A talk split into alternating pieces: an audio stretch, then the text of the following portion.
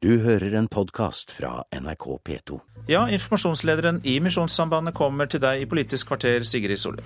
Her møter han AUF, som kaller koblingen mellom 22.07 og Midtøsten-debatten for usmakelig. Og vil Siv Jensen tviholde på kravet om regjeringsdeltakelse etter at Venstre lot sine absolutter fare?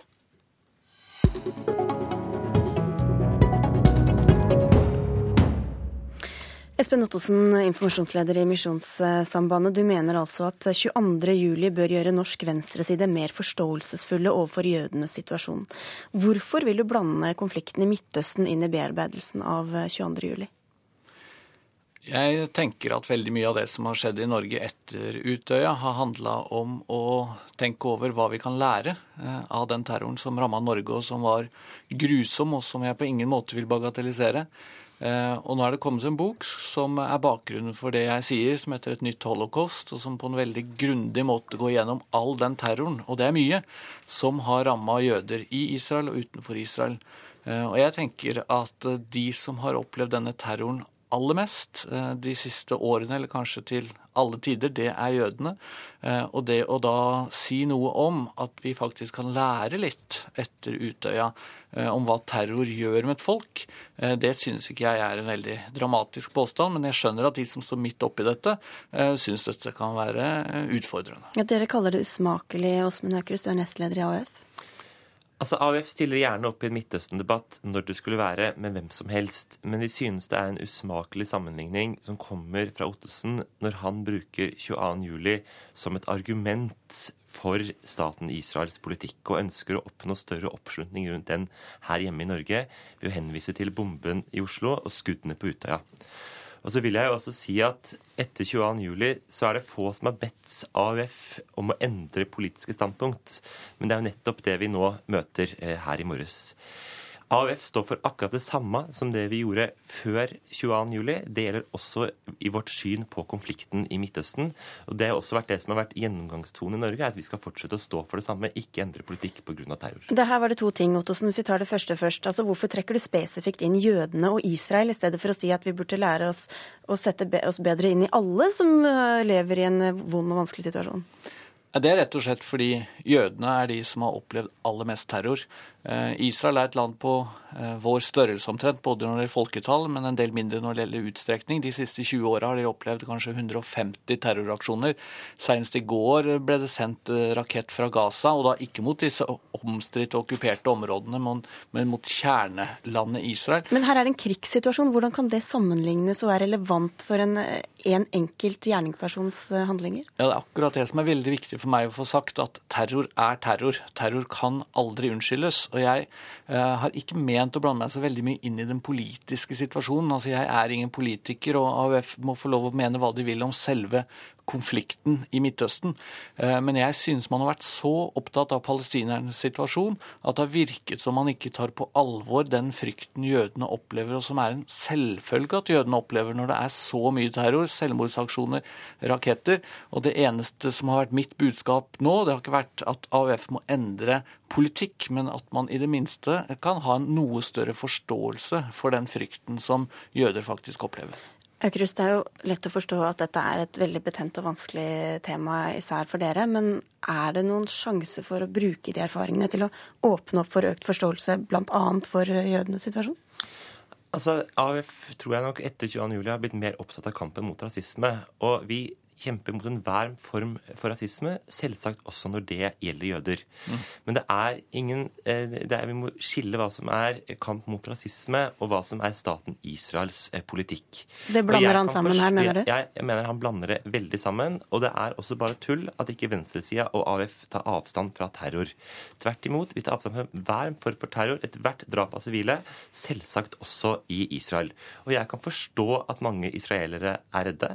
Jeg kan forstå og mener at Israel har den fulle rett til å forsvare seg sjøl, men det jeg mener de ikke har retten til, det er å okkupere Vestbredden. Det er å bombe sønder og sammen Gaza, og det er å bygge opp en mur som er med å splitte folk framfor å samle de. Det er denne politikken vi tar avstand fra, og det er jo også denne politikken som er med å avle fram mer hat og ekstremisme i Midtøsten. Ja, det skal du få lov å mene, og jeg har ikke lyst til å protestere så veldig mye på det, men det jeg også vil si at noe av det som avler fram hat og ekstremisme i Midtøsten, det er jo nettopp det jødehatet som omringer Israel, det jødehatet som fins i Hamas, som fins i Hizbollah, som blomstrer og gror i Iran, som gjør jøder veldig redde, det skaper hat og ekstremisme. Og når eh, AUF og mye av venstresiden snakker om Israel og Midtøsten, så er det stort sett en ensidig kritikk av Israel, uten at man faktisk tar avstand. Jeg beskylder ikke dere for ikke å ta avstand, men jeg synes dere gjør det for, i for liten grad. Ikke minst fordi at den terroren, som altså rammer jøder og har gjort det i årevis, den springer ut av antisemittisme i veldig stor grad. Hvordan tror du det oppleves for dem som er rammet personlig av eh, det som skjedde 22.07. på Utøya og i regjeringskvartalet, å høre den, dette bli trukket inn i en politisk debatt om Midtøsten? Ja, Nå har det jo vært mitt mål med denne debatten å ikke gjøre den så veldig politisk, fordi det eh, skjønner jeg at kan være en vanskelig kobling. For meg så eh, er poenget at terror handler om mennesker. Eh, jeg leste i magasinet i Dagbladet på lørdag en forferdelig sterk og vond reportasje eh, blant de etterlatte. Jeg forstår at dette er veldig vanskelig, jeg vil ikke bagatellisere det på noe vis, men den boka som altså er mitt utgangspunkt, skriver også om all den angst og frykt og sorg som etterlatte etter jødiske terrorofre har opplevd. Eh, og det tenker jeg det er et perspektiv eh, vi kan trekke litt inn. Eh, vi er ikke alene i Norge om å ha opplevd terror, dessverre. Og vi må ta avstand fra terror uansett og hvor, overalt. Jeg tror man skal være forsiktig i det politiske ordskiftet med å bruke 22.07 som argument for sine standpunkter i internasjonale konflikter. Det oppleves som søkt og usmakelig at folk som var utsatt for en bombe eller for skytinga på Utøya, skal få økt forståelse for det som er staten Israels sin politikk. Men det er altså det er ikke det jeg har det eh, sagt. Da. Det, jo, det, har vi heldigvis ikke sett fra noen politiske partier ennå. Og jeg håper vi ikke får flere utspill fra det Ottesen som har kommet med. Men Han sier jo at det ikke er politikken nødvendigvis han er ute etter å endre, men bare forståelsen og innlevelsen hos, eh, hos mennesker i dette tilfellet gjør. Ja, Indirekte da så sier ber han jo også oss endre politikk, hvis det skulle være en poeng bak det han, også, bak det han sier. Ja, altså Det er jeg rett og slett ikke helt enig i. Jeg tenker at Det som skjedde på Utøya, eh, det må vi lære av. Og det er mange debatter som har foregått i Norge eh, den senere tid som handler om at dette må vi lære av på et eller annet vis. Og det at AUF eller venstresiden kan lære litt eh, i lys av dette, når tiden nå går, eh, av hva terror faktisk gjør med et folk, eh, det synes jeg ikke er så veldig kontroversielt. Uten at det betyr at man da støtter Israels politikk i ett og alt. Det har jeg ikke tenkt å gjøre eh, her. Det har jeg ikke noe grunnlag for heller. Altså, AUF skal lære mye av hva som skjedde, men jeg vil bare si at AUF har på ingen måte noe ensidig politikk i forhold til situasjonen i Midtøsten. Vi har kontakter både på israelsk og palestinsk side, men man kommer uansett ikke utenom at her er det én sterk part og en svak part. Det er en okkupant og et okkupert folk, og det er et Israel som gjentatte ganger har brutt folkeretten. Takk skal dere ha for at dere kom til Politisk kvarter, Espen Ottosen og Åsmund Aukrust.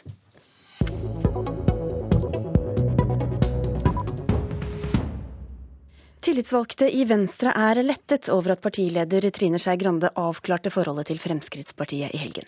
På lørdagens landsstyremøte sa hun at en stemme til Venstre er en stemme til en ny regjering, men at et regjeringssamarbeid med Frp er svært usannsynlig.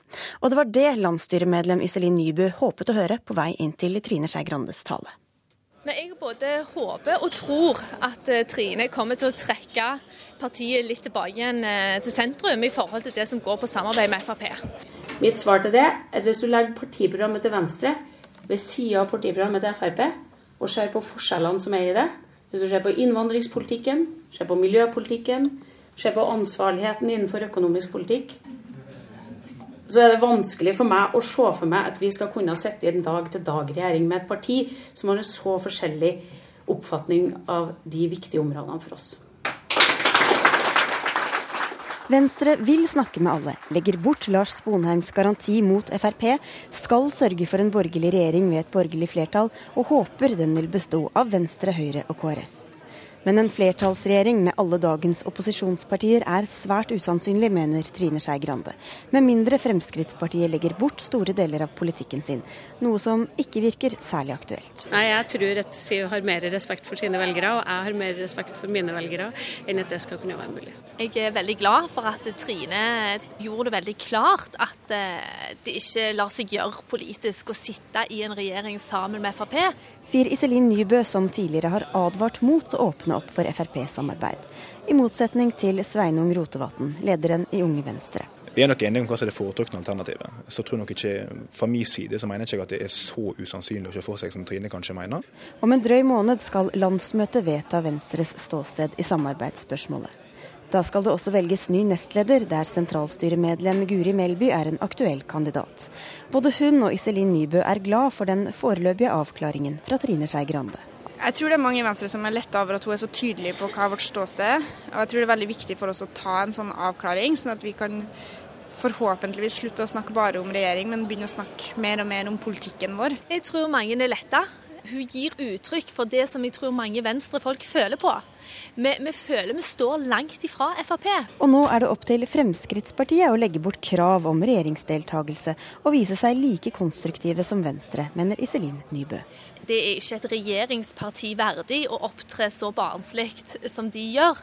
De må vise at hvis de vil ha makt i dette landet her, så må de sette politikken, de må sette viljen til endring, viljen til en ny regjering, foran sine egne ambisjoner om en statsrådspost. Velkommen til Politisk kvarter, Fremskrittspartileder Siv Jensen. Takk skal du ha. Det Nybø refererer til her, er at dere har holdt fast ved at Fremskrittspartiet krever at dere skal sitte i en regjering eh, som dere Altså ikke støtter en regjering dere ikke selv er en del av. Står det fast? Det ligger fast, og begrunnelsen for det ligger jo i politikken. Fremskrittspartiet har jo ikke noe ønske om å gå i regjering bare for å kjøre fine biler eller titulere seg med titler. Vi skal i regjering for å få gjennomført eh, deler av politikken vår, for det er jo det det handler om. Men, eh, men, nå ser jo Venstre ut til å droppe alle sånne garantier. De sier at de vil gå inn for en ny regjering dersom det blir skifta flertall uansett. Hvorfor kan ikke dere gjøre det samme? Jeg har valgt å tolke det Trine Skei Grande har sagt positivt, men jeg syns jo denne reportasjen fra Venstre viser at venstrefolk har tolket det hun har sagt, ulikt. Noen som er skeptiske til et samarbeid med Fremskrittspartiet, har hørt det. De som er åpne for et samarbeid med Fremskrittspartiet, har hørt det. Men det budskapet som kommer klarest frem, er at det Venstre egentlig ønsker, er å skal vi si, gjenopplive Bondevik II-alliansen som besto av Høyre, Kristelig Folkeparti og Venstre. Det var ingen veldig populær regjering.